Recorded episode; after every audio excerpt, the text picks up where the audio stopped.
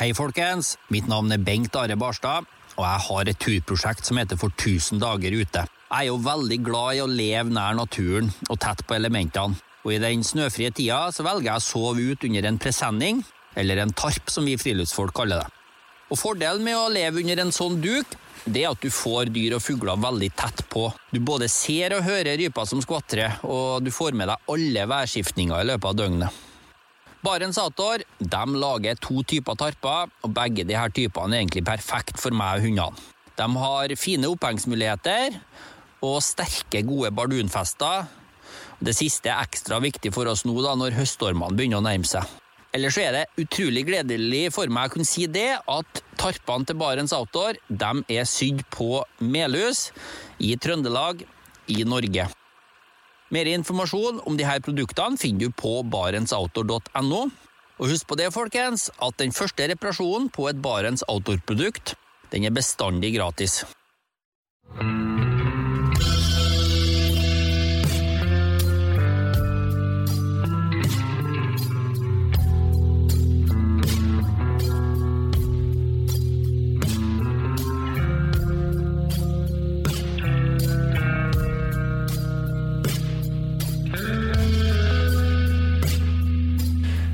Hei og velkommen til podkasten Uteliv. Mitt navn er Randulf Valle.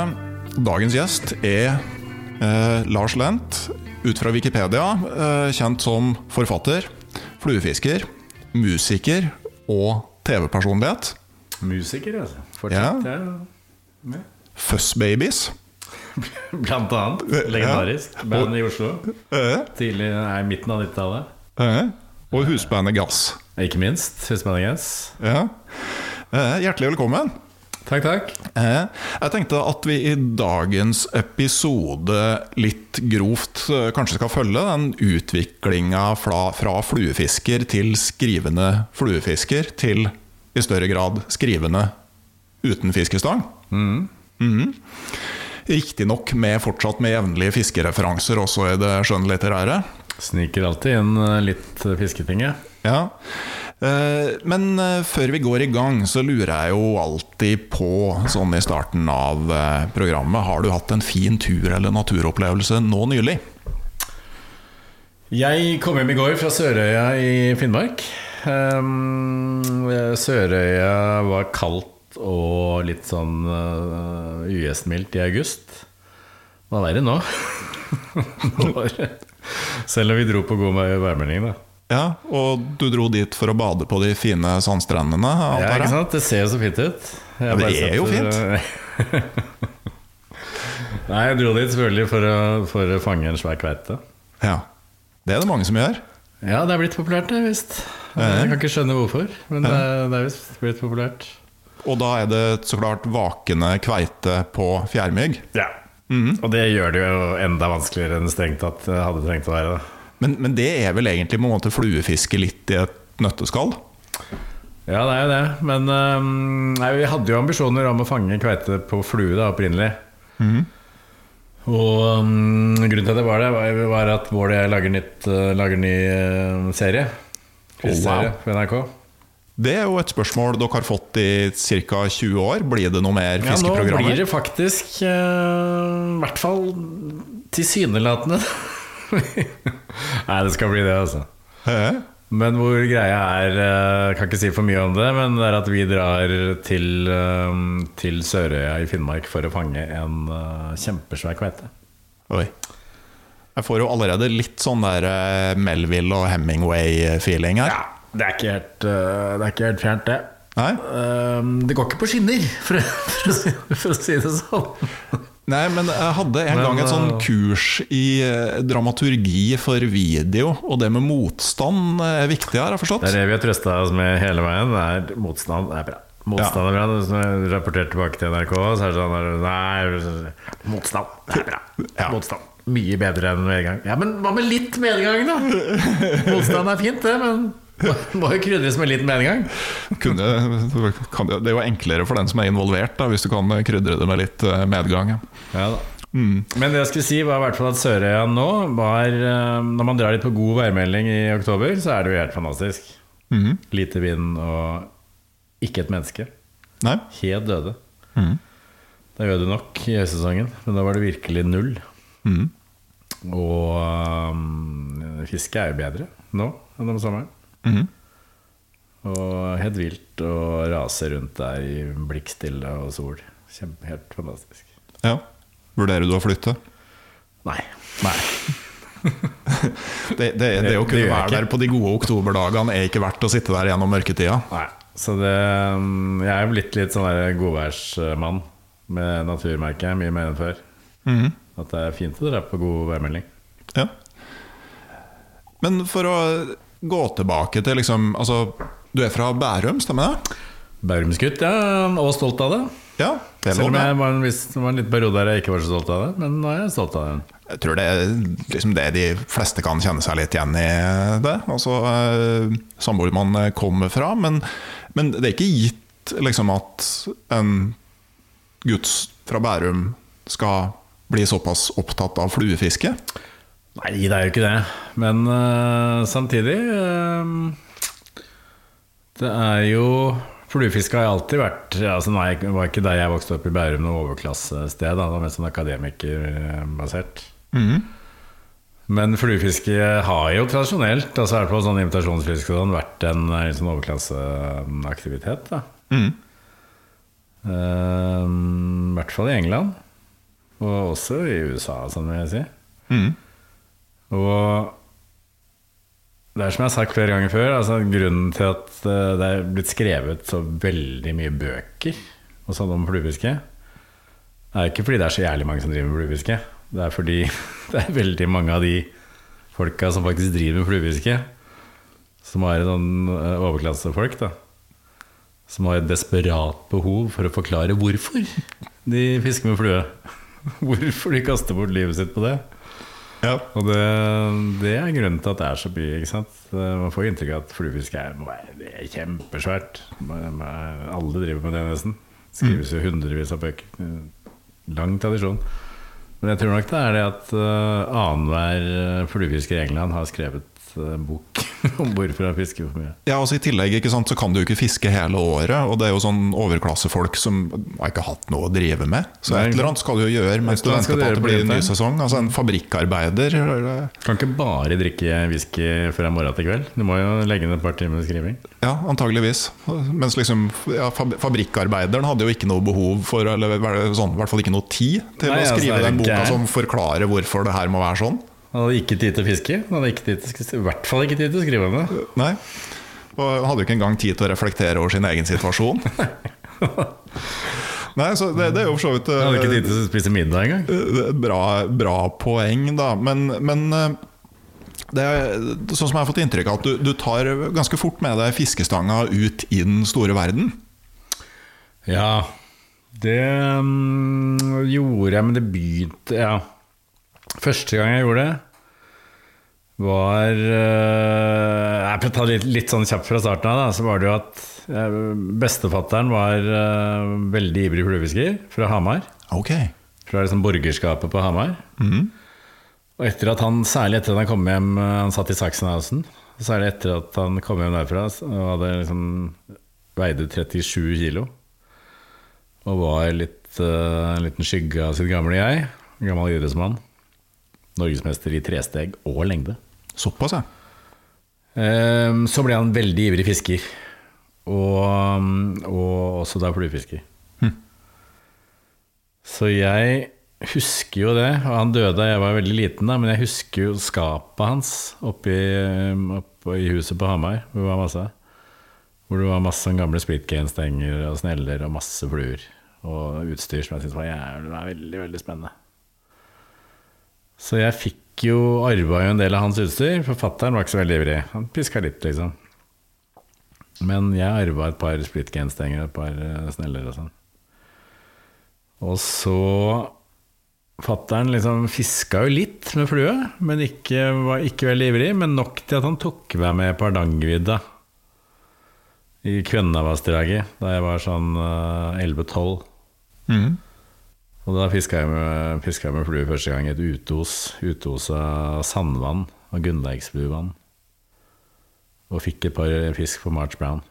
På en sånn eh, klassisk Hardangervidda Utos. Ja. Og På bestefars split cane. På bestefars gamle Opel. Mm. da, det, da var jeg solgt. Ja. Men jeg hadde selvfølgelig vært latterlig fiskeinteressert før det. da Mm. For det tror jeg er sånn her man enten er eller ikke er, fra man er bitte liten. ja. Har jo litt med om du Jeg tror det òg handler litt om at du får noen sånne opplevelser, altså de som har foreldre som ikke kan å fiske i det hele tatt. Sånn at du får liksom Mm. Ti fiskeopplevelser uten å få noe fisk. Da er de fleste temmelig kurert. Men eh, Det er ikke noe tvil om. mm, Men det var liksom Det var starten på de greiene der, da. Og så bodde jeg i USA et år, da var jeg sånn halvivrig da jeg var en exchange student from Norway. eh, Da jeg var 17. Hvor jeg traff noen som var, liksom var litt mer avanserte, da. Som hadde snakket om, uh, om invitasjoner og dømfluer og sånn. Men det var jo da min venn Aksel bodde et år i USA og kom hjem med liksom hadde lest Twisher Richards og, og La Fontaine og alt sammen. Og kom hjem og liksom begynte å binde- binde no-hackle-fluer. Da eh, endret alt seg. Og da snakker man nå på en måte litt et sånn brudd med den klassiske engelske tradisjonen, ikke sant? At, så det var eh, veldig USA-styrt, og veldig opptatt av eh, at man skulle imitere de insektene fisken spiser. At eh, det var ikke så viktig om fluene var fine å se på eller farger. og Sånn, sånn. Det var imitere det de spiste. mm, Og da til det, opp, til det absurde, da. mm, Det var litt sånn eh, trail, altså Hvilken farge på trailing-sjøkket? Det var liksom der etter hvert. Ok. Altså nymfeskade. Er klekker i overflaten. Mm. Hva? Har du aldri vært opptatt av det? Nei, men, men jeg reflekterte jo litt rundt det for å foregripe begivenhetenes gang. Så skrev du jo en fluefiskeroman, Mm. Den samme elva, hvor en ung mann som kanskje ligner litt på deg, Ja, ja, litt. drar til en elv som ligner veldig på en elv som dere røpa eksistensen til for eh, ja, ja, hele. Norge. Ja, litt. Ja. Eh, og, men han møter også en lokal fluefisker da, som har en da mer vulgær tilnærming til det her. Som fisker med litt sånn tilfeldige fluer og striper litt, og er ikke så opptatt av hva som klekker, men egentlig får minst like mye fisk. ja, det gjør det. På, hver plass. Til å få mer og større. Ja, Er det, sånn, er det et element av sjølpisking, liksom? At, uh... Nei, det er jo mm, Vi var jo ganske latterlige etter hvert eh, noen år der, da, på slutten av 80-tallet. Rundt der. Veldig opptatt av forskjellen på liksom, eh, folk som gjorde orden. Men, men, men skal jo sies at vi var jo veldig veldig dedikerte òg. ja. Brukte masse tid. Altså, Aksel hadde plakat på veggen med alle 42 døgnfluartene i Norge. Og kunne alle på latin, ikke sant? Ja, hadde skrevet sånn kart. Med, han hadde ikke bilder av det, men hadde skrevet opp alle 42 med en sånn plansje. Mm. Blir det litt det samme som når du er i musikkmiljøet? ikke sant? Altså At du konstruerer på en måte et sånn miljø som Ja, du er innafor med ganske strenge rammer, rett og slett bare for å føle seg innafor? Ikke sant? Og det er jo, føles jo helt naturlig og viktig når man gjør det. Mm. Og kanskje spesielt i den alderen. Og den alderen, ja. Og når man trer litt ut av det, så er det jo ikke så vanskelig å le litt av det. Nei. Men det var veldig strengt. Ja, Minner meg kanskje Altså- egentlig mest om litt det der norske black metal-miljøet. Ja, veldig, men jeg er akkurat på samme måte med altså, musikk og nyveiv og sånn tidlig på 80-tallet. Det var akkurat det samme. Ja. En sånn følelse og tanke om, om at man hadde skjønt noe alle de andre ikke hadde skjønt. At man var en eksklusiv liten gjeng, liksom. Ja, vi visste at fluefiske ikke var så stort. Ja, jeg visste at uh, de bandene vi så på, at de solgte 970 plater. Men, uh, men det var liksom fascinasjonen, at vi var litt smartere enn alle de andre. Og det trodde vi litt sånn En god stund. jeg trodde, jeg trodde, jeg tror, jeg tror det faktisk fortsatt. Nei da. Nei, men eh, det var viktig, det. altså Og ja. veldig, selvfølgelig veldig sånn identitetsmarkør. da Men da i motsetning til musikk, som tross alt var eh, Styrte mye av sosiale greiene på skolen. Ikke sant? Gjenger, hva man dreiv med, vi dro på klubber i Oslo så band. Og så, Fluefiske var det jo ingen som brydde seg om. Så det, det, altså på skolen min så var det ingen som visste at jeg fiska med flue. Nei. Nei, og det, ikke sant, altså, Å spille i band har jo en viss sånn påvirkning på noe av det som kan være det viktigste for en uh, gutt i underkant av 20, altså tiltrekninga på det motsatte kjønn. Ikke sant? Mens det å være fluefisker, det Nei, det var, drakk, ikke- dro i hvert fall ikke den gang, så det var ikke mye damer å få på, på fluefiske. Altså. Nei. Og det tror jeg fortsatt, dessverre. Jeg tror dessverre ikke det er det fortsatt. Nei, det blir med hjem og se på døgnflueplakaten. Det, Ja. Jeg har vunnet en uh, nydelig ny fjærmyggpuppe-invitasjon. Det skal jeg få lov til å se på. ja, nei, det men, men det gjør det jo på en måte enda mer innbitt. da At du liksom du dedikerer deg til noe som altså, Nesten sånn asketisk munketilnærming. da Ja, ja det, det, det var jo det. Altså, det var uh, og, og, det, og det føles så viktig. Jeg tenker at det er liksom Kanskje den største forskjellen den gangen da, da at det, på et eller annet nivå så føltes det veldig viktig. Ja, Uh, mens nå, når man har blitt eldre og klokere og levd i eller, eller kjedeligere, da. Det er, det, er annet, det er morsommere å være intens, en intens jævel, selvfølgelig, egentlig. Men, eh, men det føles jo ikke fullt så viktig lenger som det gjorde den gang. Nei da, men, men samtidig, ikke sant? Altså, når du har lært deg alle de 52 døgnflueartene i Norge altså det, Kunnskap er jo veldig sjelden bortkasta. Så det er mye annet, mye verre man kunne brukt ei ung- ungdomstid på. Ja, er du gæren? Men eh, jeg- som sagt, det at eh, Du tok jo fluestanga med ut av Norge. Og, Ja, det var det, det var det vi var. Og det Ja. var jo fordi jeg da skulle si at, at fluesing ble jo viktigere og viktigere. Og så da i 19, tidlig på 90-tallet så dro jeg Bestemte jeg meg for å reise et år i Sør-Amerika sammen med en venn av meg. Mm. Og han hadde null forhold til fluefiske. Ingenting. Men da og, jeg, og det sa jeg aldri til han, da, jeg turte aldri si det. Men en av hovedgrunnene var at jeg hadde lest en eh, lang artikkel i Fly Fisherman om et område i Argentina. Sånn detaljert beskrivelse av seks-sju elver, og hvor Faen, det hørtes helt fantastisk ut! I uh, Janesfjellene på argentinsk side. Så da Det var en sånn motivasjon helt fra starten av. Da vi dro der og først lærte reiste var i Guatemala i tre måneder, lærte spansk først. Én-til-én-undervisning. Det kan jeg ikke anbefale. Nei, stress, stressende. Ja, det var sånn «Ei, ute, Store eventyr ute og reise i Sør-Amerika. Nå begynner med litt spansk. Og kommer dit Ja, ok, det er fem timer om dagen. Ja, seks timer om dagen. Og det er én elev i klassen. Det blir litt vanskelig å snike seg unna. Du lærer jo en Én del, da. Jeg lær, lærte jo helt latterlig mye, veldig fort. Ja. Og hun kunne ikke da et ord engelsk, så alt uh, er veldig effektivt. Men, uh, men slitsomt. Jo, jo. Men i hvert fall, så vi begynte med det, og så reiste vi nedover. Og så tok vi etter et halvt år, så bare, og jeg lå jo og leste øh, For det blir jo ganske monotont etter hvert, ikke sant? Sånn uh, traveler-livet. Mhm. Det er det samme israelerne og svenskene og nederlenderne du treffer på de forskjellige landene nedover. I hvert fall den gang. Og, um, og jeg leste jo liksom Jeg hadde med meg den artikkelen. Printa ut. Og og leste om disse stedene.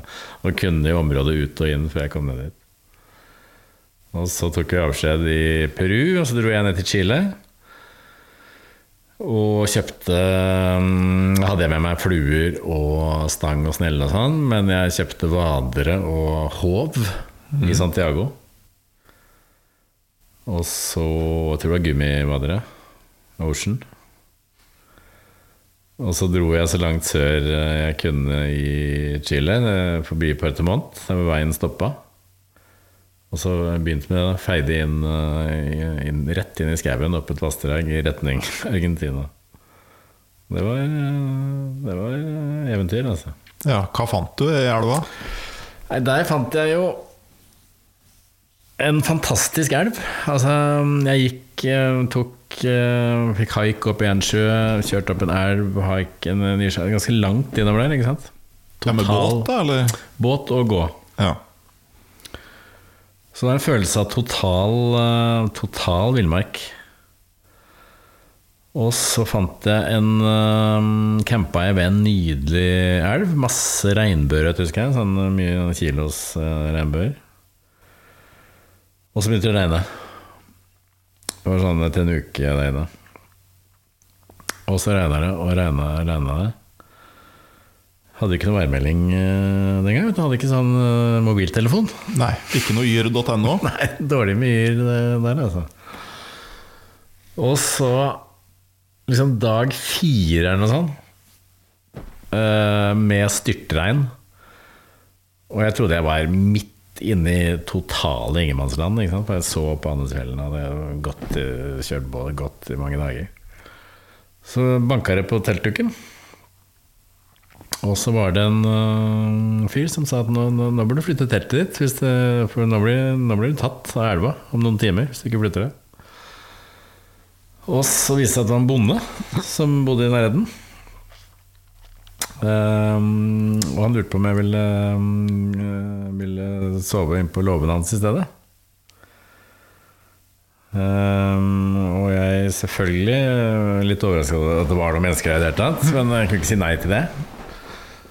Og ble med han og inn på låven sammen, sammen, med en tilbakestående fyr. Som bodde på låven? Som bodde på låven. Ja. Skjønte aldri helt hva Jeg tror han var en fetter eller et eller annet. Ja, Som på en måte var kanskje gjemt bort hos det familiemedlemmet som bodde mest avsides? da Ikke sant? Kanskje det. Og han bare satt, satt og gliste og så på meg, og, og snakka ikke. Så der satt jeg innpå låven der med med, med, med, en spesiell fyr. Um, og så ble jeg invitert inn, inn, i hovedhuset på middag. Han forbarmet seg litt over meg, tror jeg, han far, far i huset. Så hvis han hadde jo tre døtre. Fra sånn 15 til 18. Midt inne i det eneste huset i miles omkrets. Og da var jeg sånn Hvor gammel var jeg? 24 eller noe sånt? 23. Så de syntes dette var helt utrolig spennende. Så de satt og kniste, og jeg inne der satt vi rundt bordet. Og en strenge far, liksom. Hysjet på døtrene sine. Og så var det litt sånn stille, trykkende og så skal jeg liksom løse litt opp på stemningen. Og så, Nei, det er fantastisk. Og det er, så, det er så fint å se her i Chile nå hvor, hvor god stemning det er. Etter at han eh, Pinochet ble, ble kjeppjaget, liksom. Nå er det sånn go i landet, alle er, det er demokrati, alle, er, eh, alle virker så glade og fornøyde. Det er helt stille. Ops! Og så selvfølgelig eh, viste det seg at han var jo lidenskapelig Pinochet-tilhenger. Ja. Ja, Det er jo alltid lurt å begynne å snakke om politikk med en gang du treffer lokaler. Det er kjempelurt. Er, det kan jeg anbefale absolutt alle. Altså. Ja. Um, så det var en eh, Det og Ikke sant? Han var en forholdsvis kontroversiell figur i Chile. Mm. Så det var, var, ikke bra. Så da ble jeg tuppa ut på låven igjen. Men så, så fortsatte det å regne og regne og regne, regne. Regna i mange dager til, og jeg satt der ute. Prøvde å gå noen tur, men satt jo med han tomsengen der, og han sa ikke et ord. men satt og gliste og, så på meg, gikk sånn tuppa litt i bakken. Og, så Flere dager etterpå så kom, han, kom faren min tilbake. 'Hei, du, du, du er interessert i fiske?' Jeg hadde forlatt det, ikke sant? Jeg var der for å fiske. Ja, det, er det rett bak uh, huset her, uh, som er sånn uh, ikke blir påvirket av regn. Aha, en Spring Creek, mener du? ja, en Spring Creek det er 100 meter, 200 meter bort der. Å ja, ok, prøve det, da. Og så gikk jeg bort der, og så um, Etter et kvarter fikk jeg en ørret på 3,2 kilo. Oh i den mest fantastiske springcreeken, som jeg da beholdt. Og tok meg tilbake for å prøve å vinne vennskapet tilbake etter Pinochet-fadesen. Og ga, ga han liksom ørreten på 3,2 kilo. Og det var, det var kjempepopulært. Ja. Um, og han fiksa han til ørreten, og inviterte meg inn på, på å være med og spise den. da Så det var god stemning. Ja, ok. Så det er altså sånn du reparerer Hvis du driter deg ut sånn politiske ting, bare gi noen en veldig stor fisk, så er alt greit. Mm. Ja, men det er, jo, eh, det er jo greit å legge seg på, på minnet. Men, men jeg har jo fått beskrevet altså, Sjøl i dag, altså når du kommer ned i Patagonia altså at uh, Folk som har vært der nå, tenker at det er litt sånn som Alaska kan ha vært på 70-tallet. Ja, ikke sant? Og, det, og nå er det jo Dette er over 30 år siden. da. Mhm. Så da var det veldig en følelse at uh, Da var det kanskje som Alaska var på 50-tallet. Ja, kanskje.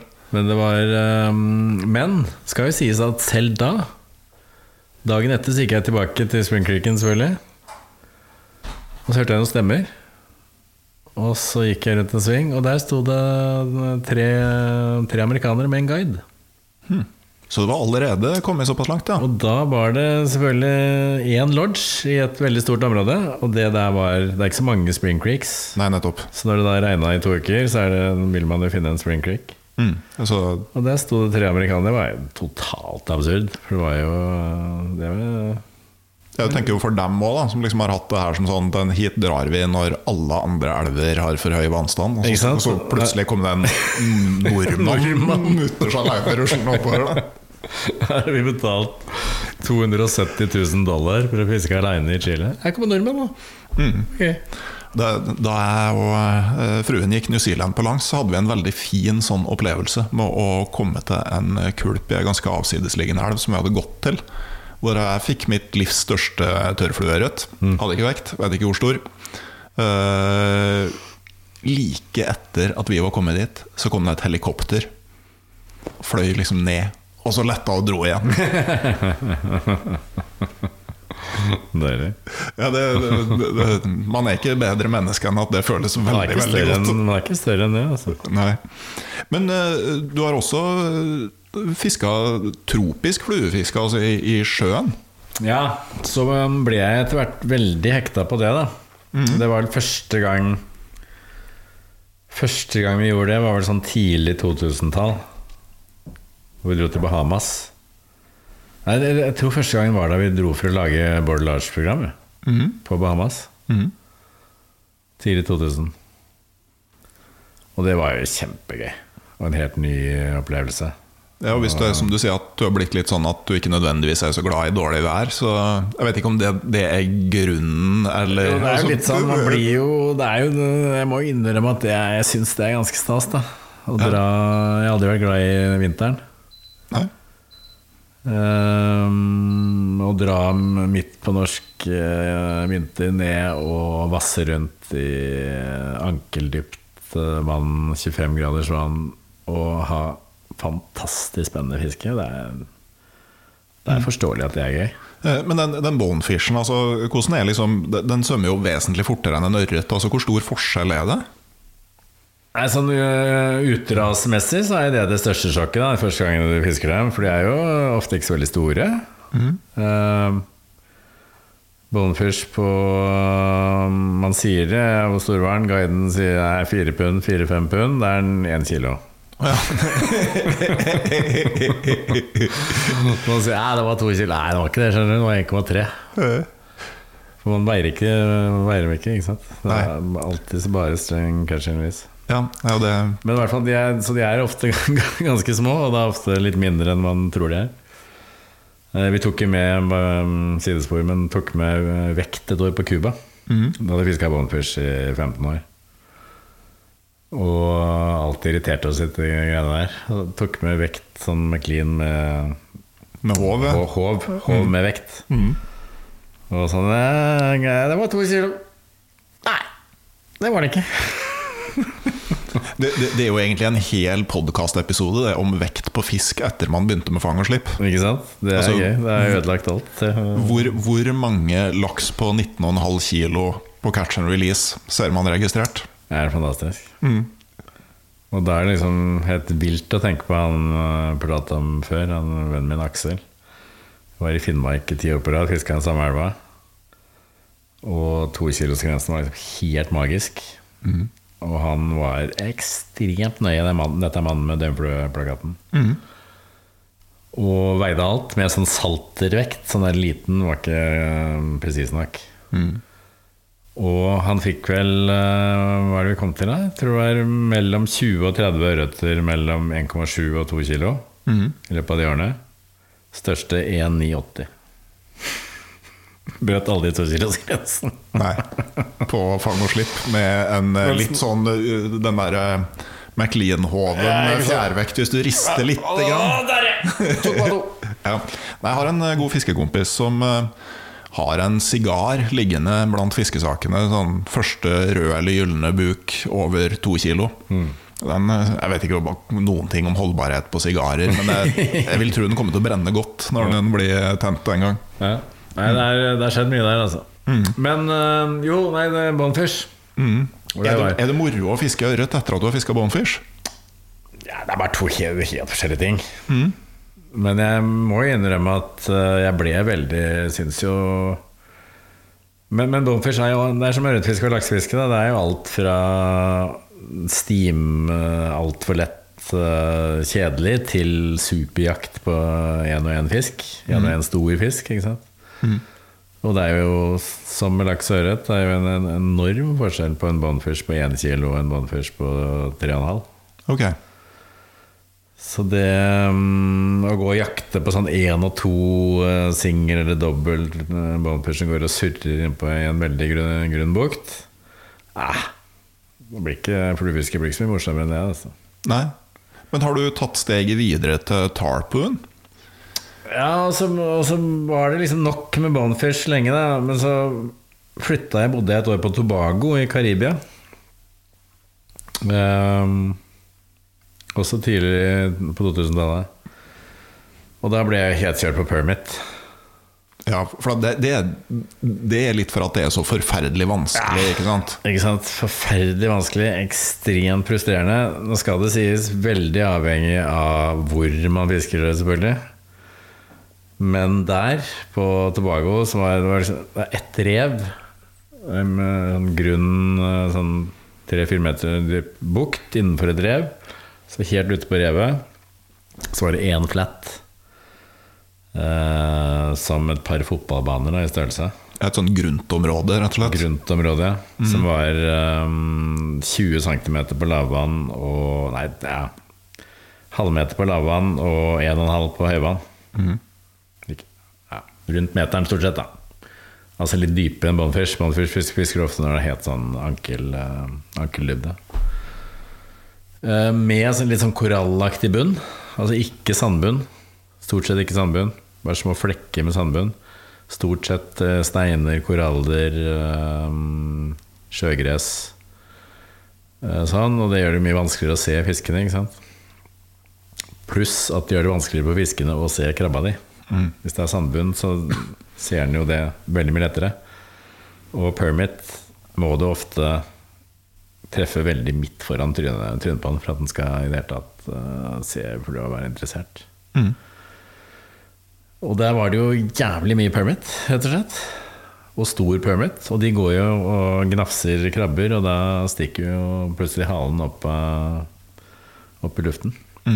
Og sånn viftende permit-hale ute på revet der, det, da får du hjertebank.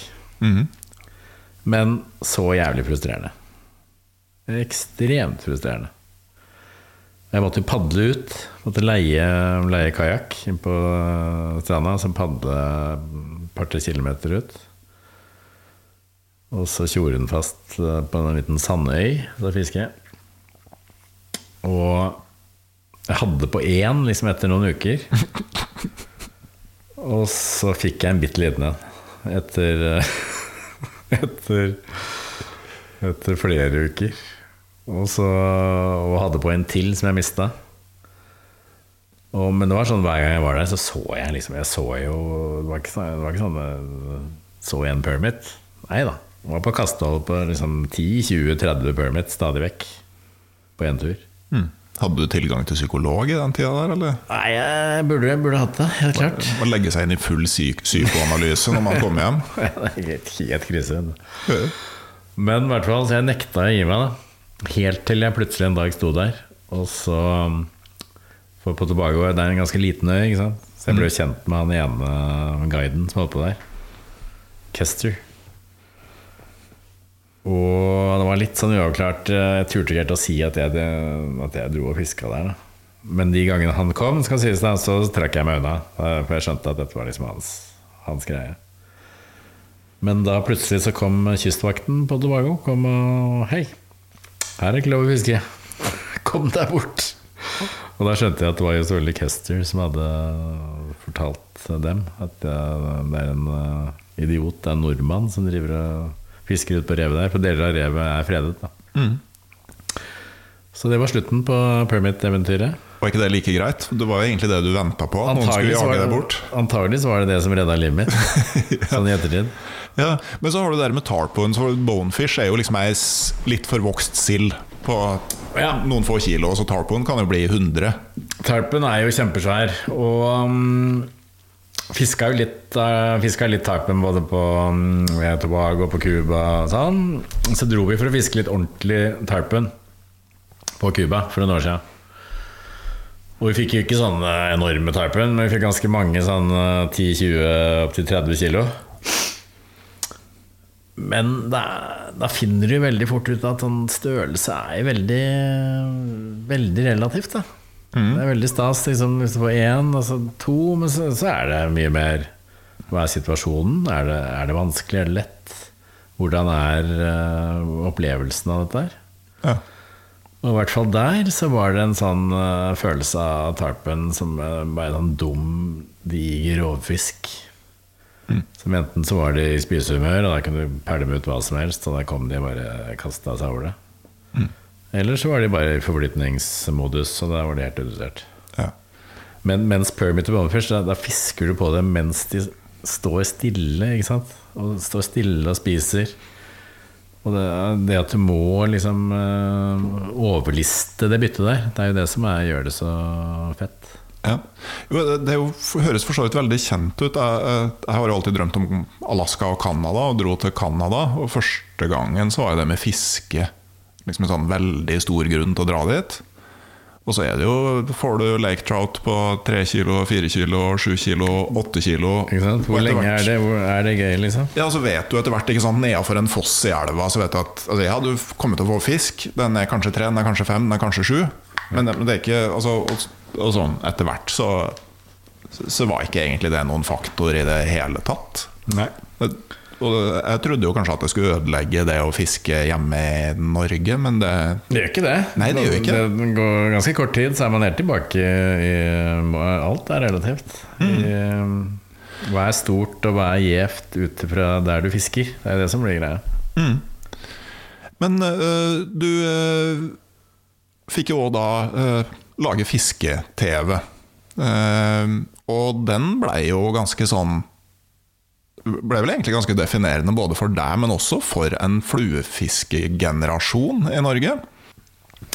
Ja, det var um, Historien bak det var jo at vi Vi var så Særlig jeg, da, for Bård var ganske fersk fluefisker. Men altså fiskeprogrammer og natur, det gjaldt både fiskeprogrammer og naturprogrammer, at var, vi følte at det var så ekstremt traust. Jeg husker fortsatt forordet til Bård i den boka. At NRK i monopoltida hadde en egen evne til alltid å gi folk det de ikke ville ha. Ja, og det, det tror jeg var ganske sant. Jeg tror, jeg tror ikke bare et alene om å tenke at dette er, er ganske traust. Nei. For da var det alltid liksom 90% fra bålet, rundt bålet, og så var det 5% liksom nærbilder av fugler og andre ting, og så har det 5% fisking. Ja, og som Bård skrev, at liksom, man, hvis det var et program fra Altaelva, så begynte det med 'Vi er ved verdens beste lakseelv'. Det er ikke laks det skal handle om, i stedet skal vi bli enda bedre kjent med fossekallen. Det var litt sånn. Ja. Så det var en slags øh, motivasjon. At man tenkte fader, og også det, i hvert fall for min del, at jeg hadde sett alt som ble lagd den gang av amerikanske uh, filmer. Uh, eng engelske var det noen som var, var veldig stas, husker jeg. Sånn, uh, fra Test og Itchen. Og det var jo veldig kult. Men det amerikanske var, det var, så, det var så lavt nivå. Det var så ræva. At det var jo det var ikke til å tro. Så det, kom igjen, da. Det må jo være mulig å gjøre dette med litt mer glimt i øyet. Og bruke litt tid på, på fiskegreiene. Så det var jo motivasjonen. Og selvfølgelig da å få betalt tur til Argentina. Ja. Som var det første stedet vi dro. Mm. Og dit dro vi jo fordi jeg hadde vært der. Og så ble jeg jo kjent med Bård via Harald Eie, som er barndomsvenn av meg, på en fest. Og så tipsa jeg Bård om, om der jeg hadde vært i Argentina, for da hadde Bård nettopp begynt å fiske med flue. Så dro han dit med en kamerat. Og da hadde jeg liksom veldig nøye tegna kart. Og selvfølgelig ikke de to beste elvene. Spring Creeken sa du ikke hvor var. nei, Og ikke de tre døtrene som nå har blitt ti år eldre, eller? Nei, jeg skjønte at de hadde flytta ut for lengst. Men jeg tipsa han om liksom elv nummer sju, åtte og ni på lista. Da. Som en god kompis, ja. Så da dro han dit og hadde det veldig kult. Og da, da var det derfor vi dro tilbake til, eh, til Argentina. Mm. Og så blei det jo en braksuksess. Ja, det var, var veldig lavbudsjett og veldig sånn lave forventninger. eh, Men det var en tid ikke sant, hvor Bård hadde hatt suksess med Lille Lørdag og sånn. Og da var det, og siden det var så stas, så var det liksom å gå opp Og, jeg kjente um, altså sjefen i Underholdningsavdelingen, som het Tordis Aavatsmark. Bård hadde hatt kjempesuksess, og jeg spilte fotball sammen med sønnen hennes. Så da var det liksom oppe og Hei, Tordis, vi kan tenke Vi har tenkt på å dra til Argentina og lage sånn fluefiske eh. Ja, men det høres veldig gøy ut. Jeg har sett i gang. Enklere beslutningsprosesser da, en gang. Ja, mens nå, ikke sant Nå må du gjennom all verdens ting, selvfølgelig. Og det er kringkaster, og det er liksom eh, Det er blitt en helt annen ting, da. Og det kan jo være en bra og en mindre bra ting. Altså det, at, eh, er gjerne, selvfølgelig. det, det er jo på en måte fint at de som ikke spiller på samme fotballag som sønnen til den som tar beslutninga, også kan slippe til. Da. Ja, nå, nå tror jeg at det var Bårds uh, status var litt viktigere enn min fotball, men, eh, men det var smått, det var poenget. At Ja. det, det var liksom bekjentskaper og, og bare snakke. Så ja, litt som Norge er, da. Ja. Og har vært. Eh, Men, men så var det jo også noe sånn som jeg Jeg syns det var kjempestas at det plutselig altså Jeg så ikke så mye på TV på den tida, men jeg hørte jo noen begynte å snakke om at det var noe fiskeprogram liksom med Bård Tufte Johansen. Jeg syns det hørtes litt sånn absurd ut, hele greia. Men, men det, jeg syns det var kjempestas. Men også de som ikke fiska. Syns Ja. det var moro. Og Ja. det tror jeg var noe av nøkkelen til at det ble såpass svært som det ble. Da. Ja, er du gæren. Blanding av at uh, fisking er litt sånn uh, Veldig mange har et eller annet forhold til det. da Om de ikke er fluefiskere, om de ikke fisker masse sjøl, så er de uh, er faren fisker, eller fulle onkelen er fisker, eller de har vært med, sitter i båten, bestefar fisket. Altså Veldig mange nordmenn har et eller annet forhold til fiske, eller fiske på et eller annet nivå. Og det er veldig basalt sånn eh, dramaturgisk. Enten så får de fisk, eller så får de ikke fisk. Ja. Og den der skal jeg prøve å fange. Den er stor, eller den er liten. Og én får, og én får ikke. Ja. Så det er ganske sånn lett å bygge opp Bygge opp eh, drama og bygge opp forskjeller. At den ene er eh, sur og skuffet, den andre er eh, Og man trenger jo ikke å spille skuespill engang. Det er jo helt ekte. Det har ingenting med skuespill å gjøre. Nei. Nei, så det er ganske basale, lettfattelige ting, da. Og da gir litt sånn eh, spennende steder Ja. i tillegg. Og litt av greia vår der Dette var en tid Jeg vet ikke om det var så viktig, da, men eh, vi tenkte i hvert fall på det. At det var en tid hvor det var veldig mye reiseprogrammer. Mm. Hvor uh, musikere, hvor uh, skuespillere, hvor uh, folk reiste rundt og lagde, liksom, lagde reiseprogram. Og da var det alltid sånn, sånn Treffe den lokale kulturen, sette seg ned sammen med de innfødte, Spise spise, mat, spise mat, smake på lokale retten. Eh, Morten Herket var jo, hadde jo eget reiseprogram til Costa Rica og fra Opptatt av blomster. Han okay. stopper å liksom lukte på orkideer og sånn. Veldig sånn Oksen Ferdinand-følelse her. Men han også da primært veldig opptatt av den lokale kulturen. Og, det, og særlig hvis det var urfolk, så var det veldig spennende. Mens vi liksom tenkte nei, vi er, vært, vi er, er to fiskeidioter som er, jeg gir fullstendig blanke i den lokale kulturen og alt rundt oss. Vi skal, skal bare, Bare- fange bare få en fisken. stor fisk, ja. Den fisken der, den skal vi fange. Eh, Men det er jo litt det som eh, Rolf Nylinder, eh, svensk fiskefilmskaper, veldig flink. Søk på YouTube, dere som ikke kjenner universet hans. Men han sier jo det med altså Det som er kul med fluefiske, er jo at det gir turen en riktning. Altså Du har et, et tydelig mål og en tydelig retning på det du driver med, så er egentlig alt det rundt det som er greia. Ja, men, eh, men det er liksom bare det som skjer. Men retningen er der. Og det er jo eh, Og helt siden jeg liksom ble veldig opptatt av fiske, så har jeg aldri helt skjønt folk som bare kan gå tur. Som ikke har et mål, liksom. Jeg kan, godt, jeg kan gå kjempelangt, jeg, men da skal jeg gå inn til en elv eller et vann. Et eller annet i andre enden, liksom. Ja. Eh, Jeg går ikke tur bare for å gå tur. Det har jeg aldri gjort. Nei. Det var vel Cato Bekkevold som eh, var på litt det samme med at han kunne ikke forstå folk som kjørte båt bare for å kjøre båt. Det, det, det syns jeg er enda mer uforståelig.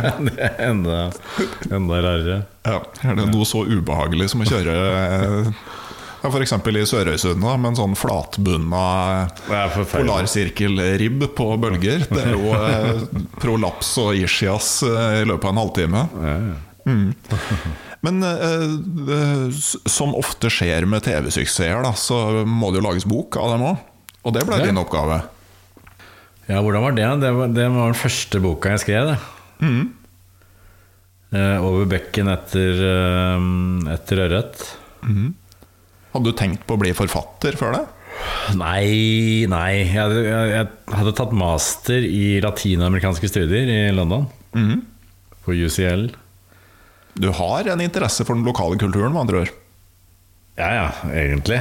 Men eh, så når jeg sier det der uh, Det vi drev med, så var det veldig bevisst. Det var ikke det at jeg egentlig ikke brydde meg om lokalkulturen. Jeg bare tenker at det er mye morsommere som program hvis vi er to idioter som eh, da er det mye for å kødde med den reisefilm mm. reiseprogramsjangeren. Ja. Men jeg hadde absolutt uh, interesse for det. For det, det ja, grunnen til at jeg gjorde det, var at jeg hadde reist til Latin-Amerika et år. Og igjen så viser det jo at også dokumentarfilmer må ha et manus. Ja, ja. Selvfølgelig. Mm. Dokumentarfilmer alltid har et manus. Hvordan var det å begynne å skrive? Jo, det var det. Ehm, så da Jeg kom hjem fra London, og da hadde jeg, jeg hadde ikke gjort mye. Jeg hadde oversatt Jeg skulle oversatt i en fiskebok. 'Sjøørretens byttedyr', klassikeren. Dansk danske boka. Eh, byttedyr. Til og med oversatt fra dansk. Ja, da. Ja, fra dansk til norsk. Og så ville um, Og så gikk de TV-programmene ganske bra. Og da ville, um, som ofte skjer de, um, Cappelen var det vel, ville at vi skulle skrive en bok.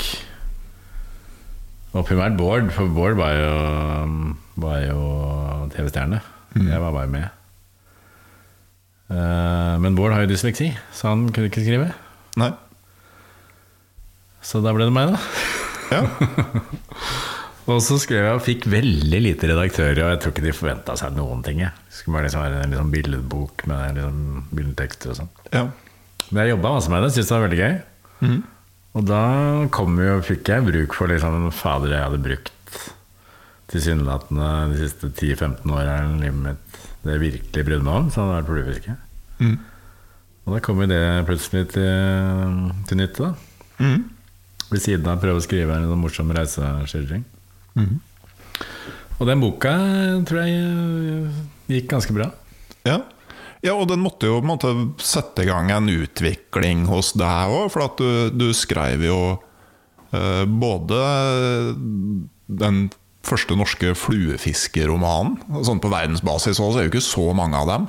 Nei, nei, det er ikke mange som handler eh, er så fluefiskekjørte, nei. Nei, Som jeg nevnte her innledningsvis, da, som handler om en jeg-person som bare forteller samboeren på våren at eh, Du, jeg skal faktisk flytte til ei elv oppe i Østerdalen og være der hele sommeren. Ikke sant? Og det var jo da Først skal jeg et flyt Ja. eh, etter den, eh, etter den eh, program, TV-programboka. Og flyt var mer sånn Jeg er veldig inspirert av G-rack og sånn. Altså måten å skrive vanlig måten å skrive om fluefiske på, var å skrive samling essays der hvor du tar for deg liksom et tema. Og så skriver du en historie på 5-15 sider om det, og så samler du ti av de, og så er det en bok. Det er John Girac, amerikaneren, altså. Um, han har jo gitt ut eh, 72 bøker på den måten der. Ja. Nei, ikke fullt så mange, men ganske mange. Eh, først var vel Trout Bum, var det ikke det? Som kom midten av 80-tallet. Men da med den boka 'Den samme elva', så tenkte jeg at jeg skal ikke gjøre det. Eh, nå skal jeg skrive en, eh, skrive en roman om en fyr som er eh, ganske kjørt på fluefiske. Nå skal jeg bruke alt. Alt jeg har lært, alt det som har vært viktig, alt, alt jeg vet meg. Men, følte jo også den gang at det var liksom veldig sånn tilbakeskuende. Dette var meg selv for 15 år siden.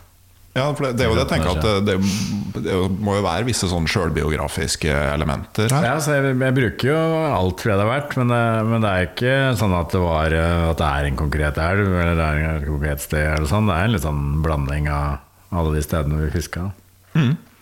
Men øh, øh, jeg tenker Jeg mener, mener jeg har hørt du har uttalt at det der med sånn på villmarkstur så sliter du med å finne roa. Jeg legger merke til at jeg-personen her øh, prøver å bo i telt langs elva først, og så går det fryktelig dårlig, og så flytter han ja, inn i en sokkelleilighet. Er det liksom litt der?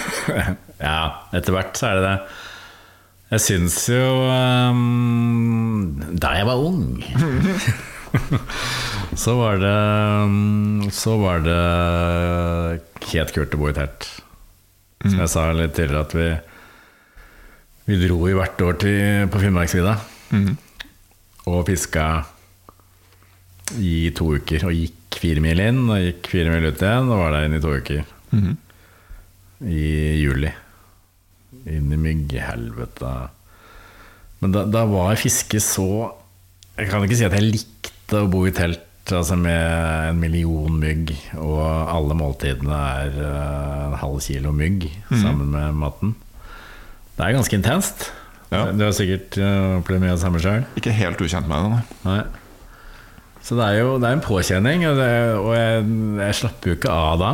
Eh, alt er liksom sånn. Uh, men, men fiske var så bra, og så fantastisk mye bedre enn det vi var vant til på Østlandet. Mm. At det var ikke så farlig. Nei. Det var bare sånn det var. Men jeg likte jo aldri Kanskje derfor jeg, at jeg fikk litt sånn avsmak mot uh, Mot uh, teltliv eh, og sove ute sånn. På grunn av det. Ja, Kanskje. mulig. Ja, for, det- for min del så er det sånn her, jeg klarer ikke å finne roen ved ei elv det går bilvei langs. Altså Hvis du driver og flytter deg med bil langs elva, altså for at de valgene du tar, får ingen konsekvens lenger. Altså liksom, ja, Skal vi stikke til den kulpen fem kilometer oppover? Hvis du skal gå, så gjør du en ordentlig jobb når du har kommet opp dit. Hvis du har kjørt dit, så kan du bare kikke og så bare Nei, det var ikke noe særlig, vi drar ned igjen. Ikke sant? Og, det er jo, var jo vår um, Det var jo vår, vårt fluefiske Mm. da vi var jævlig ivrige. Så fiska vi i Hemsedal, vi fiska i Hallingdal. Fiska i de store elvene på Østlandet hvor det går veier langs elva. Og det eneste vi ville, var jo, var jo å finne vakne stor, størst mulig vakne fisk og klekkinger. Ja. Og da finner du ikke roen ved en kulp hvor det ikke skjer noe. Da må du jo, For det er ofte lokalt, ikke sant. Da må du jo rase opp og ned da, og lete og lete og lete og prøve å finne den eh, store fisken. Den ene store som står og vaker et eller annet sted. Og det har du jo helt rett i. Og, men det, sånn sett var det jo da også jævlig deilig å komme inn eh, i Finnmark der. Og, og nei da, vi har ikke bil. Det er ikke sånn det er. Her uh, går vi rolig og fisker.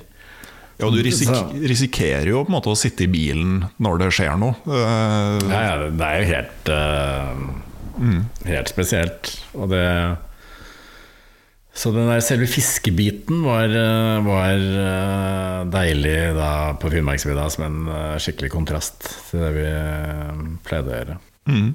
Men jeg legger merke til at i, i den samme elva så ser jo da eh, den jeg-personen Han beholder jo kjæresten faktisk gjennom det her prosjektet, og avslutningsvis liksom er blitt familiefar og ikke helt ulikt forfatteren. da og ser tilbake på det her som noe som på en måte gir han en sånn slags ro. At han kan liksom se tilbake på det her som en sånn slags karamell. Er det sånn, eller blir det mer et sånn eksempel på den gangen du hadde all mulig tid i verden til å gjøre akkurat det du ville? Jeg tror ikke det helt er sånn. Altså, at man liksom er, I hvert fall ikke for min del. At man tenker på alle de fine tingene, og så er man rolig og Nei, det var fint, og nå kan jeg slappe av. Mm. Det er ikke sånn. Jeg er fortsatt den der driven i meg. Ja. Det er jo en elv. Mm. Men også når du er sammen med familien, mener jeg du skrev i Flyt? At, ja, nei, det, er, det er blitt bedre. For det ja. var jo sånn genuint vondt. Jeg husker jeg sitte der bodde jeg på, på Grünerløkka på 90-tallet. Mm. Som var stas. Det har jeg alltid likt byting og sånn. Men i sesongen så var det jo helt krise å tenke nå er det vindstille på plakket, liksom. Mm. Det var helt jævlig. Ja. Slappet aldri av. Mm. Men vi må tasse videre, for uh, etter hvert så har du jo på en måte uh, gått helt over i skjønnlitteraturen. Ja. Uh, og et ganske annet univers. Altså, du er jo på en måte ansvarlig for at ganske mange i Norge nå vet forskjellen på en advokat og en advokatfullmektig. Nevøen min, min studerer juss, så jeg kan drive med det. De har ført tre saker for retten. Nå skal du retten minst tre saker. ja. Eh, hvor kom liksom Leo Vangen og Rino Gulliksen fra? Det kom vel um, første boka, som het uh, 'Norske pasienten'. Um, da hadde jeg lyst til å skrive en, en bok fra Bærum. Mm. Og lyst til og begge de der er jo basert på sånn typer, liksom Bærums-typer. For Bærum er svært, ikke sant? Mm. Det er, og det er som Rino er fra Skui. Mm. Og Skui er i Bærum. Mm. Og det er skikkelig hillbilly-land. Altså. Mm. Og Leo er fra en litt sånn forfinende Stabekk. Ja. Og hvor Rino er en sånn gangster jeg, jeg, jeg, drar jo på litt, da. Det er ikke han er ikke en vanlig, vanlig figur, men han er liksom Bærums-gangster. Som er en sånn type jeg husker fra da jeg vokste opp. Gjerne fra Rykken, Jøttum, Skuer eh, rundt der. Mens Leo er liksom fra det fine Bærum. Uh, fin familie, har hatt alt gående for seg, men har liksom Uten at Jeg hadde ikke lyst til at han skulle være en sånn klisjéfyr som, uh, som, har opplevd at alt var vellykket, men, men, så føler han skyld for at sønnen hans drukna, eller et eller annet sånt. Nei, han skal være sånn For jeg kjenner ganske mange som bare liksom tar litt feil valg her og der, så driver de litt og ender opp litt sånn på sida, føler at de skuffer litt i forhold til forventningene og sånn. Mm. Og så bare isolerer han seg litt sånn gradvis mer og mer, og, blir, og lever et helt greit liv, men underliggende er du har underprestert. Ja. Du, har, du, kunne gjort det veldig mye bedre. Du hadde alle muligheter. Men her sitter du i et hus og har isolert deg litt fra resten av verden. Mm. Men jeg tenker en sånn gjennomgående trekk med de karakterene du har i bøkene dine, det at hva skal man si altså, Det er veldig langt mellom de gjennomført gode menneskene. Altså, det er jo, Jeg får litt sånn der uh, Sett Jimmy fri-følelsen. Uh, at det egentlig det var den filmen til Kristoffer Nielsen hvor det egentlig bare var elgen som kom godt ut av det. Altså De onde er fryktelig onde, og de gode er på en måte enten naive, dobbeltmoralske eller fulle av sjølmotsigelser. Altså, er det litt sånn du ser verden? Ja ja Er det ikke litt kjedelig med folk som er, eh, er liksom egentlig veldig gode og ordentlige og redelige på bunnen? Det er, jo, det er jo litt kjedelig. Det, det, er det jo, men, men, det blir på en måte altså, Jeg er jo helt enig i at uh, Altså Jeg kommer ikke på noen sånne eksempler, men, men altså stort sett alle har et eller annet uh, så, så, hvor de definitivt kunne vært bedre. Ja. Men det er jo kanskje sånn folk er. Ja, jeg tenker, jo, jeg tenker jo litt at det er sånn, eh, sånn folk er. Eh, skal jo sies at uh, en kvinne, kvinne er ofte Det er i hvert fall én eller to ganske normale damer Ja. i bøkene som er snille. ja, sånn ganske. Ja. Ja. Uh, Så er det noen som ikke er normale i det hele tatt. Ja, det er det. Altså, og, og det er Det er ikke noe Altså Jeg tar utgangspunkt i realisme og et eller annet tema jeg syns er viktig. Type oppdrettsbransjen eller vindmøller eller ulvesaken eller hva som helst. Og så er det jo eventyr utover det. Ja. Men eventyr og overdrivelser er bare gøy hvis det er realisme i bånn. Men så er jo, er jo sjangeren at det er overdrevet. At alle er ganske gærne på et eller annet, eh, et eller annet nivå. Ja. Men er, du må jo kose deg med å lage karakterene. Altså sånn Ordføreren som skjenker dyr skotsk whisky til seg sjøl, og upper ten til varaordføreren fordi han er en sånn enkel person som uansett ikke smaker forskjellen. Du er fornøyd med deg sjøl når du kommer på det karaktertrekket? Det er det som er gøy. Eh? Det er det som er gøy. Og jeg flirer over han eh, mannen oppe i Nordland som er Star Wars-fan og gir sønnen sin navnet Luke etter Luke Skywalker. Ja. Og ikke tenker på at i Nord-Norge så uttaler du ofte engelske navn Uh, På norsk. På norsk, ja, så han blir jo hetende Luke, som i takluke. Ja, det, er ikke, det er ikke like sexy, det. Nei, Det er ikke rart det gikk litt dårlig med luke. nei. Og så En annen ting jeg har uh, sett altså, du, du har jo tydelig et nært forhold til musikk. Ja, det har alltid vært veldig viktig. Ja. Ja, og det dukker jo opp i bøkene. Uh, og så har jeg lurt på uh, altså, vi, har, eh, vi har jo litt sånn forskjellig musikksmak. Sånn at jeg har ikke alltid sånn helt uh, Det er ikke alt jeg liksom kjenner like godt. Og så lurer jeg på Går jeg, går jeg glipp av noe når det er en sånn der tortur- og voldsscene til et konkret Alice in Chains-album? Ligger det på en måte en dypere mening her som jeg ville fått med meg hvis jeg kjente den musikken bedre? ja, det er det. Men det er bare fordi Bare fordi eh, Bare for kon Mm. Det er alltid, jeg syns alltid det er gøy å å, um, å legge liksom karaktertrekk og sånn, eller gjøre noe med karakterene. Og detaljer som noen som kjenner universet veldig godt eh, vil lese av skakka, men som ikke kommer i veien for eh, folk som ikke, ikke skjønner det. Eh, det, det er alltid litt, litt stas, men det, det er selvfølgelig stas for meg, og så er det stas for de to som, som, skjønner, som skjønner det. Litt sånn som fluefiskemiljøet på um, skiftet mellom Ja. 80- og 90-tallet. ikke sant? At, Omtrent- eh, omtrent sånn. Ja.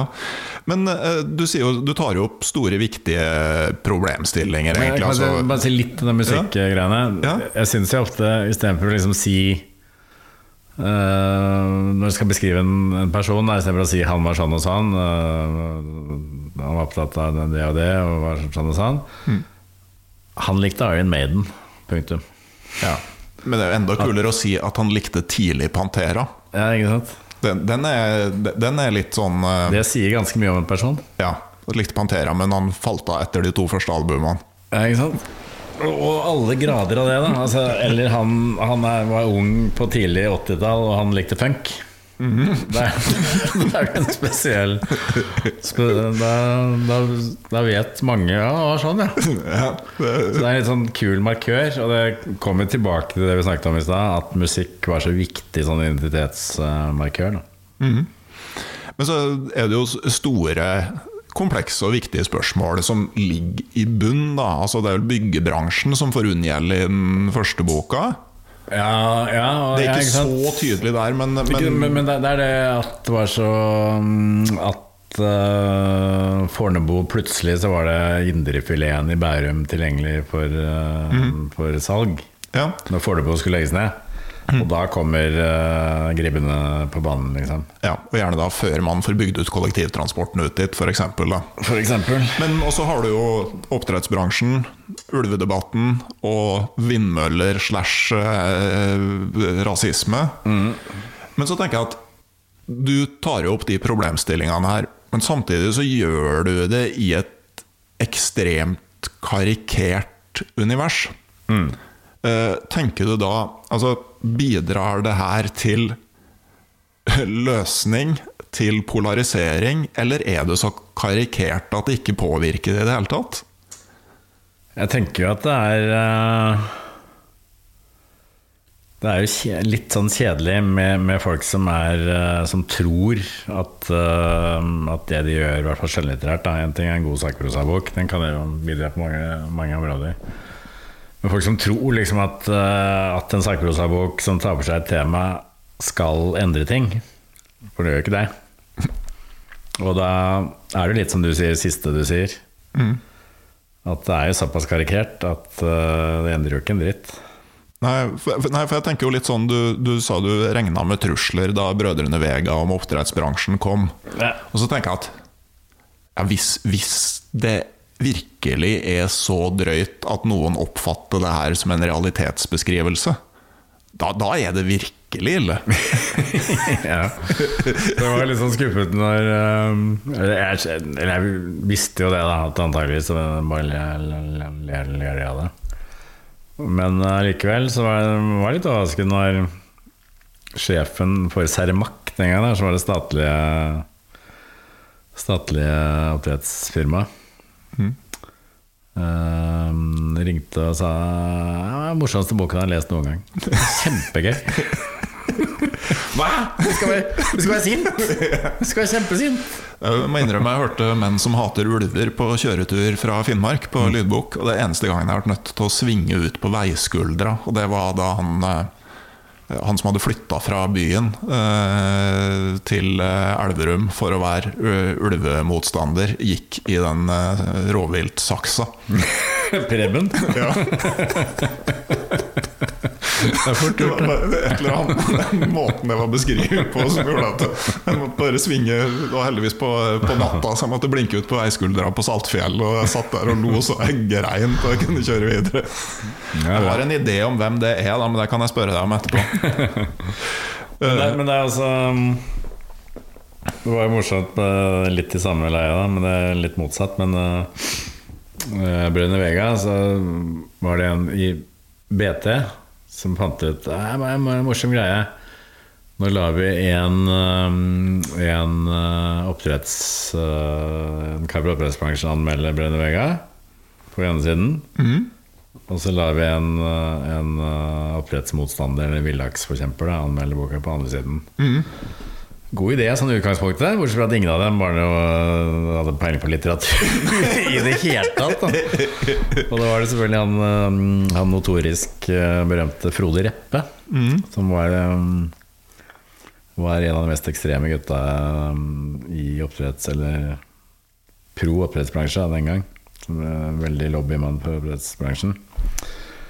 Som var oppdrettsmann. Og ja, anmeldelse og var selvfølgelig klar over at alle ville tenke at han var fra oppdrettsbransjen. Nei, litt, litt uh, manglende naturbeskrivelser. Uh, litt uh, svak dialog. og jeg må innrømme, jeg lo ikke en eneste gang. Terningkast to. og, så, og det er greit nok, og sånn på venta.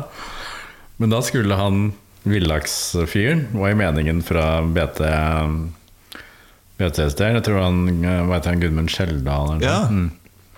Eh, var jo meningen at hvis dette skulle være noe gøy, så skal han skamrosen. Ikke sant? Så skal han fra bransjen for slakten. Men han villaksfyren var sånn Ja, ganske ålreit, underholdende bok. eh, ta, på seg et betent tema, sånn, men kommer ikke ordentlig inn på Det blir veldig karikert. eh, Ternekast fire. Og fire, fire er jo det verste. Da. Så hele ideen bare gikk totalt i dass. Og det er sånn Uansett hva du syns om den boka, så skal du gi en terningkast seks! Din, din villaksforkjemper. Men du, du er jo sjøl òg engasjert i, i miljøspørsmål, bl.a. Uh, rundt oppdrettsnæringa. Altså, Ja, det er vanskelig å ikke bli irritert på oppdrettsnæringa. jo, Veldig synd at den der grunnrentebeskatningen kom nå. Men, eh, Bare skru av alle lysene på, på kisten. men tenker du at eh, liksom, Blir det ubevisst satt likhetstegn mellom deg og Rino, på et vis? Har du, får du eh, det skjønnlitterære i bagasjen her? Han er jo en mann med veldig klare aksjonsformer og ikke riktig så klare målsetninger, vil jeg si. Nei, ikke sant. Han er jo litt sånn Vet ikke helt hvor han vil og hva han driver med, men han er ekstremt handlekraftig. så han, han er på en måte Han er litt sånn Han gjør jo alle de tingene man skulle ønske at man kanskje turte å, turte å gjøre. Samtidig som det er ganske drøyt, da. Ja, det, en del av det er kanskje like greit å ikke gjøre. Ja, men han er i hvert fall Han, han gjør noe. Han, øh, han bryr seg. Han har kanalisert all den der Bærums gangster-greiene fra torpedovirksomhet over på skal redde naturen. Og nå i boka jeg holder på med nå, som er fra Lofoten, så har han bestemt seg for å stanse norsk hvalfangst. Det er også tema for neste bok. Jeg lurte på det, jeg skjønner. Han øh, syns jo det er et hårreisende at, øh, at øh, mot, motstanden mot hvalfangst har gått helt i dass. Det er ingen som bryr seg om det lenger. Nei. Men de fangster jo like mye nå som de gjorde den gangen det liksom var selve fanesaken for miljøbevegelsen. Ja. Hvor er Paul Watson og eh, Ja, jo, det skal jeg fortelle deg. De dro til Japan og lage TV-serie om å slåss mot japanske hvalfangere. Det, det Ja, ja, ja. Med, med juicy enn I Norge så er alt er bare fisla bort, liksom? fisla borte. Og det er jo Siste- ikke Rino Gulliksens ånd å la ting fisle bort. Nei, her, her må det blåses liv i gamle tradisjoner om skutesenking osv. Ok, ja. Men det er jo litt sånn interessant, altså Rino som da er sånn leve av naturen-fyr. At det er akkurat eh, Han er en kompleks personlighet. Veldig kompleks. Han møter seg jo selv i døra. Han har plutselig blitt veldig glad i hvaler. for Han driver og bader og, med spermhval ute på egga. Så han elsker hval. Mens han dreper jo mennesker, er ikke så farlig. Nei, eller alt det andre han spiser. Det kan jo være, eh, Hvis du følger kostholdet hans gjennom Nei, bøkene, ja. så er det jo eh, Det er jo mer sånn steinalderkosthold med ganske greit kjøttinnhold. da Absolutt. Han burde jo egentlig eh, elske hvalkjøtt, men han er, eh, han har forelska seg i, i hvaler og syns de er mye mer verdt enn mennesker. Og eh, bestemmer seg for å stanse norsk hvalfangst. Ja, Når får vi lese det her? Jeg har holdt på ganske lenge nå. Jeg, jeg håpet du ikke skulle stille det spørsmålet. Nei, jeg, jeg tipper at eh, Jeg tror ikke det er reali- realistisk å bli ferdig nå til våren, så kanskje neste høst. da Det blir spennende. For det var sto på blokka mi liksom, hvem er det som skal få unngjelde i, i neste bok. Altså, jeg tenkte liksom på er det influensere, er det våpenindustrien, eller er det liksom eh, er det Det er, eh, performance-teater med statsstøtte? Altså, jeg tenker en sånn friteatertrupp med Rino Gulliksen kunne jo eh, Det er Men altså, hvalfangsten, altså. Det er på tide at noen tar tak i dem. Altså. Ja. Nei, det er rett og slett hvalfangsten uh, og selvfølgelig uh, grådige folk generelt da, i Lofoten. Mm. Han hovedskurken driver med um, tørka torskehoder. Selger til Nigeria. ja. Er ikke det bra? Jo, det er for så vidt eh, greit nok, men han eh, smugler og holder på og skyter øh, Jakter jo da ikke bare vågehval, men tilbyr øh, Tilbyr old school uh, Moby Dick-style jakt på spermhval til rikinger. Okay. Fra gummibåt. Fra gummibåt, ja. Det her minner jo litt om Brødrene Vega, som hadde en sånn der eh, jakt inni gjerdet, jaktcamp, hvor du kunne Det er litt Men da jakter det mennesker. ja, det Og så lurer jeg jo på, da eh, Advokatfullmektig Leo Vangen, det er jo spoiler alert for de som ikke har lest, da, men det er jo på en måte din egen feil hvis du ikke har lest det her til nå. Han avslutta jo siste bok med en beskjed om at ja, hvis det ikke bli, kom en- fare. ja, med ei dame Ja. som du kanskje ikke har lyst på en livslang relasjon til. Altså, Kan vi håpe på en spontanabort, eller, eller Eh, Jeg kan røpe såpass mye at det blir ikke noen spontanabort, nei. Så det, så har, har du av og til eh, dårlig samvittighet for det du utsetter romankarakterene dine for?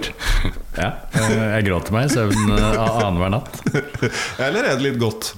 Altså, det er jo en del som virkelig Om de får som fortjent, eller om begeret er litt mer enn fullt på den fortjentfronten, det kan man jo diskutere av og til, da, men eh, Det er jo det, det, er jo det som er deilig med å være mm, skjønnlitterær forfatter, og ikke minst liksom skape et sånt univers da, med en serie. At, å kunne bestemme hvordan det skal gå med folk, det er, det er ganske, ganske fint. mm. Det er vel en sånn film hvor det er ei dame som redder en forfatter som har kjørt av med bil. Og så tar han, som, ja, tar han som gissel for å få han til å skrive historien i den retningen hun vil ha. Ja, Stephen King. Mm. Den er dripper dritbra. Ja, du er ikke redd for det? I'm your number one fan. Jep. Nei, jeg gleder meg i hvert fall til, eh, til oppfølgingen. Men, men jeg ser jo altså, nettet må jo begynne å snøre seg sammen rundt både Rino Gulliksen og Leo Vangen her. Ja, de gjør det. Og, det, og jeg jeg er jo litt tilhenger av ikke å holde på altfor lenge med ting. Da. Jeg syns veldig mange holder på altfor lenge. Ja. Ref, band og alt mulig sånne ting. Så hvor mange bøker er det nå? Dette blir femte i serien. Så jeg er jo inne på tanken om å kanskje lage en litt tragisk slutt. Uff da. Vi får se, jeg har ikke helt bestemt meg. Ja, jeg har forstått at eh, du òg liker Moby Dick av eh, Neville. Altså, Og det, dette er jo rett og slett Melville. ja. Ja. Jeg bruker jo Jeg er frekk nok nå til å bruke Moby Dick som en, en slags underlag i boka. ja. Hvor det handler om om et brødrepar i Lofoten. Da, hvor uh, den ene er uh, rett og slett er den store hvite hvalen, og den andre er eh, kaptein Ahab. Ok. Det, det er bare en anbefaling. Les Moby Dick. Jeg trodde det var en sånn der Hardy-guttene pluss, Ja, ja, ja, men det er jo, en, og- men det, er jo, det er jo boka om alt. Ja, og den er helt vill. Den er jo så sjuk og så rar. Det er liksom 400 sider med spermal-facts. Ja, og så ikke bare det. Altså, sånn, jeg tenker at eh, Når det gjelder fiskehistorier, da, så i verdenslitteraturen så er det to virkelig store. Det er Moby Dick, og så er det Den gamle mannen og havet. Mm. Og litterært så er de jo diametrale motsetninger. Klin forskjellig. Ja, Gamle mannen og havet, kutta ned til beinet. Moby Dick fulle alle digresjoner helt til enden. Helt i bånn. Altså, det er liksom 17 sider. Han skeier ut til høyre, så er det 17 sider. Ja, et helt kapittel om lina fra harpunen. Ja. Og så, Jeg mener at jeg telte sånn ca. 80 sider før man kom til kveldsmaten første kvelden. Ja, det er helt utrolig. Ja. Og det gikk jo ganske dårlig med Melville etter hvert. da Og, og boka ble aldri noe suksess i hans uh, levealder. Mm. Så han døde jo blakk og ganske gæren. Ja. Eh, Som havneinspektør et eller annet sted. Eller. Det er Eh, trist da, at han ikke liksom Kjempetrist. Og så da 50-60 år, 50 år etter hans død, Mm. så begynte folk å Moby Dick, sånn, Og så er det jo rett og slett blitt liksom en av de fem store romanene i, i amerikansk eller i verdenslitteraturen. Da. Ja. Og oversettelsen til norsk fikk var det Brageprisen. Ja, Det, det er ikke så ofte. det, det var den Herman, eller den fra 2009? Eller noe sånt? 2009. ja. Mm. Så det, det er liksom er du, Liker du fiskehistorier? eh, Det er kulere å henge på slep etter en eh, 25 tonns eh, spermhval i en liten båt enn å lure på om du har nok backing når to kilos ørreten raser ut. Nantucket Sleigh Ride. Jepp. Men eh, da begynner vi Vi har faktisk gått over den tida eh, vi skulle ha. Så eh, eh, Moby Dick bruker lang tid på å komme til uh, kveldsmat. Du må rekke hjem til middag. Jeg må det. Tusen takk for at du eh, stilte opp. Veldig hyggelig. Veldig hyggelig å være her. Bare hyggelig. gleder meg til å se nye TV-program, og forhåpentligvis om ikke altfor lenge lese en ny bok. Aller siste spørsmål. Vi er tidlig i oktober. Fluefiskesesongen, sjøl på Sørøya, etter kveite, begynner Ja, å gå på hell, ja. på hell. Hvis du ikke skulle vært her akkurat nå, uten noen praktiske rammevilkår, hvor i verden og i hvilken situasjon ville du vært i dag? Da ville jeg stått på en uh, flat på, uh, på Cuba og sett på en permit som viftet med, med halen. Eller en som gapte over krabbeinvitasjonen din? Nei, det er helt urealistisk. det var en drøm. ok. Tusen takk igjen, eh, Lars Lent. Tusen takk til alle som støtter podkasten Uteliv på Patrion. Dere holder skuta flytende. Og om ei uke kommer en ny episode. Ha det bra.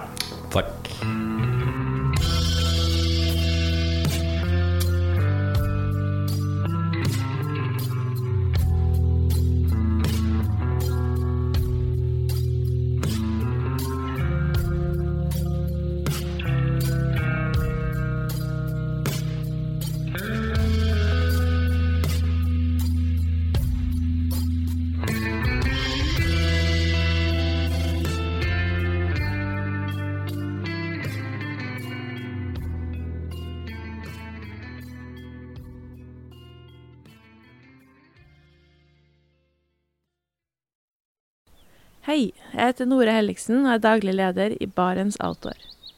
Det beste vi kan gjøre for planeten, er å redusere forbruket vårt og få mer ut av det utstyret vi allerede har. Men vi vet av erfaring at bruken av telt kan endre seg over tid. Det teltet du kjøpte for to år siden, passer kanskje ikke det behovet du har i dag. Derfor har vi i Barents etablert en egen panteordning der vi tar imot brukte telt av god kvalitet i innbytte når du kjøper et nytt av oss. Prosessen er enkel. På barentsoutdoor.no gir du oss informasjon om teltet du vil bytte inn. Basert på det får du et tilbud fra oss som gir deg rabatt på ditt neste Barents-produkt. Mer info og betingelser finner du på barentsoutdoor.no. Og husk at den første reparasjonen på produkter fra Barents er alltid gratis.